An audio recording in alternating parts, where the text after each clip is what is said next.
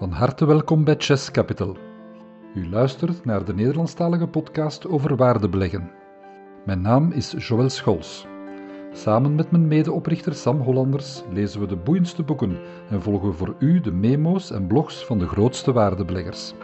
Alle afleveringen zijn gebaseerd op teksten die u vindt op onze website www.chesscapital.be. Hallo beste luisteraar, we zijn toe aan onze 33ste podcast en dit is de maanbrief van Sam ingesproken door Joël. De titel van deze podcast is Denken als een eigenaar. Vorig jaar, met de eerste lockdown, nam de interesse om te beleggen fors toe. En we zagen deze interesse tot op vandaag alleen maar stijgen. Tegen eind vorig jaar werd het al duidelijk dat de gezonde interesse voor beleggen, welke we in de eerste jaarhelft zagen, steeds meer plaats moest maken voor speculatie. De term raketjes, welke aandelen voorstellen die fors gaan stijgen, werd gemeengoed. Bij de jaarwisseling werd ik al behoorlijk wat somberder wanneer ik de vragen zag van nieuwe beleggers. Iedereen wou gewoon op de trein springen en verwachtte exponentiële winsten vaak zonder er echt om te geven in wat men belegt. Naast de forse stijging in koers voor een hoop hypebedrijven was dit ook de brandstof op het vuur voor crypto. En vandaag is de cryptomarkt dan ook de place to be voor nieuwe beleggers. Ik zal het zelf alvast maar zeggen. Ik ben absoluut niet mee als het over crypto gaat. Begrijp me niet verkeerd. Ik ben wel mee als het gaat over blockchain-technologie. Maar de cryptomunten, welke daarvan een product zijn, nee, dat begrijp ik niet. Ik begrijp niet dat iemand daar geld in steekt. Het is voor mij eerder een uitwas en een symbool voor wat voor mij als een foute mentaliteit aanvoelt wanneer het aankomt op beleggen. Beleggen, of misschien kan ik het beter investeren noemen, doe ik om in de toekomst geld te verdienen aan deze belegging. Ik geef toe dat het rendement komt uit twee delen, namelijk de dividenden, huur of rente die je ontvangt en de uiteindelijke prijs bij verkoop. Bij een vastrentend product is de uiteindelijke verkoopprijs of terugbetaling vaak enkel de hoofdsom en dien je rekening te houden met inflatie voor je je totale rendement kent. Bij vastgoed stijgt de prijs vaak sneller dan de inflatie en kan je nog een extra winst halen bovenop de netto-huur die je ontving. Bij bedrijven wordt voor mij het belangrijkste deel van de prijs bij verkoop bepaald, maar wel door de winsten die werden geherinvesteerd door het bedrijf en hierdoor voor groei zorgden. Kortom, het bedrijf wordt gaandeweg meer waard en dat kan heel snel gaan. Het andere aspect dat de verkoopprijs bepaalt, is wat iemand anders ervoor wil betalen. In de economische wereld zou dit opnieuw de waarde zijn van de geldstromen, welke deze in de toekomst kan opleveren. Maar in de realiteit is het echter wat een ander bereid is ervoor te betalen. Laat ik het heel simpel voorstellen en de groei even buiten beschouwing laten. In sommige periodes en voor sommige bedrijven zijn mensen bereid 10 keer de winst te betalen, ofwel 10% rendement. En voor andere bedrijven zijn ze bereid 60 keer of meer deze winst te betalen, 1,7% rendement dus. Soms kun je zelfs bedrijven kopen die tegen 4 keer de winst, dus 25% rendement noteren, of zelfs onder de prijs van al hun activa noteren. Bij deze laatste zou het dan een goede strategie zijn deze te kopen en alle activa gewoon te verkopen en het verschil op zak te steken. Dat kan je natuurlijk doen bij private equity, maar niet bij een beursgenoteerd bedrijf. Maar vandaag zien we steeds meer beleggers bedrijven of andere zaken zoals crypto gewoon kopen omdat de koers stijgt of in het verleden fors gestegen is. Ze gaan ervan uit dat deze prijs zal blijven stijgen en er later wel iemand meer zal betalen voor hun munten of aandelen. In het Engels noemt men dit de Greater Fool Theory. Het maakt voor hen vaak totaal niet uit wat ze kopen. Er wordt niet meer belegd, maar er wordt gewoon gehandeld.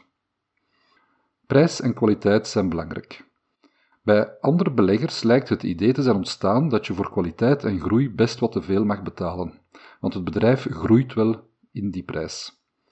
Ik verwijs opnieuw graag naar de Nifty 50-periode waarover ik al schreef in juli vorig jaar en over de dotcom-periode. In deze periode moesten beleggers zelfs bij de beste bedrijven het daarna 12 tot 18 jaar zelfs stellen zonder winst op hun aandelen, in de veronderstelling dat ze deze dus niet onderweg met verlies verkochten. Ik ga eventjes het voorbeeld van Microsoft herhalen. Wie eind 1999 Microsoft kocht, moest tot eind 2016 wachten om terug een koerswinst te maken op zijn of haar belegging. Let op, wie toen op de top kocht en 21 jaar kon wachten, heeft ook nu een rendement van 6,7% per jaar gerealiseerd. En velen zouden daarvoor tekenen. Maar wie daarentegen geduldig wachtte tot Microsoft wel aan een normale prijs of zelfs goedkoop noteerde, zou op 12 jaar tijd een winst van 23,26% gemaakt hebben. Kwaliteit kan je redding zijn, maar de prijs die je betaalt blijft wel doorslaggevend voor je uiteindelijke rendement. De regel van Warren Buffett is: verlies geen geld. Dat begint bij het bepalen van de kwaliteit, of de waarde, vastheid van de activa. Het tweede deel is hoeveel je ervoor betaalt. Het liefst kopen wij zoveel mogelijk onder de echte waarde. En daarom begrijp ik crypto en vele hype-aandelen niet. Welke zijn de parameters die je kan gebruiken om te bepalen of deze kwaliteit zijn bij de aandelen of waardevast bij crypto? Gezien de enorme bokkensprongen die ze maken, kunnen we ons daarbij vragen stellen. En ook het tweede aspect is niet te bepalen. Hoe kan je weten of je een goede of eerlijke prijs betaalt? Op welke parameters waardeer je deze? Ik ga in herhaling vallen waarom koopt men niet gewoon bedrijven waarvan men eigenaar wil zijn, bedrijven die je geld opleveren. De krantentest. En zo ga ik ook nog even de brug maken naar een andere actuele hype die me stoort, namelijk ESG ofwel duurzaam beleggen. Ook dat begrijp ik niet. Begrijp niet verkeerd, ik ben niet tegen duurzaamheid, diversiteit of het milieu, maar wel tegen het label. In mijn ogen is dit weer een idee uitgevonden door slimme financiers. Is duurzaam beleggen niet het perfecte excuus om slechter te presteren bij beleggen? Wie kan er nu kwaad zijn dat de beleggingen minder hebben opgebracht als het duurzaam is? Koken kost namelijk geld. Daarnaast zien we ook het fenomeen greenwashing opkomen. De trend dat bedrijven nu opeens allerlei zaken tentoonspreiden van wat zij goed doen voor diversiteit, omgeving en milieu zonder dat het een echte impact heeft. Steeds meer pagina's in jaarverslagen worden hiermee gevuld. Ik ga de recente quote van Charlie Munger hiervoor nog eens bovenhalen. Al deed hij ze overspaks, maar het principe is hetzelfde. It's just that the investment banking profession will sell shit as long as shit can be sold. Over het ESG-label hangt dan gewoon een groen laagje. Ik herhaal wat ik hierboven schreef. Waarom koopt men niet gewoon bedrijven waarvan men eigenaar wil zijn? Ik wil aan mijn vrienden met trots kunnen vertellen van welke bedrijven ik eigenaar ben. Als ik beschaamd zou zijn over een bedrijf of haar management, dan voldoet deze niet, en dan komt ze dus gewoonweg niet in mijn portefeuille. Warren Buffett noemde dit de newspaper test. Hoe zou je je erbij voelen als morgen je portefeuille in de krant staat? Zou je je schamen voor sommige beleggingsbeslissingen? Ik wil eigenaar zijn van ethische bedrijven met een eerlijk management dat aandacht heeft voor een goed bestuur, diversiteit, de leefomgeving en het milieu. Dat is mijn norm en maatstaf. Daarvoor heb ik geen ESG-scores nodig. Daarom herhaal ik nogmaals: denk als een eigenaar bij het beleggen. Beleg enkel in bedrijven die je ook voor de 100% zou willen bezitten en leiden. En kijk ook uit dat je niet te veel betaalt, zodat je ook nog kan genieten van de vruchten.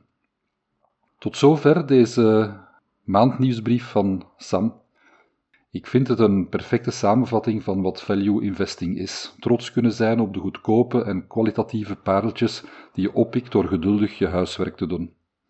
Tegen half juni ben ik er terug met een artikel over compounding. Dat gaat dan over hoe bedrijven met sterke kapitaalsallocatie, een goede herinvesteringsstrategie, natuurlijke geldmaakmachines zijn. U hoort me dus terug over zo'n twee weken. Tot dan.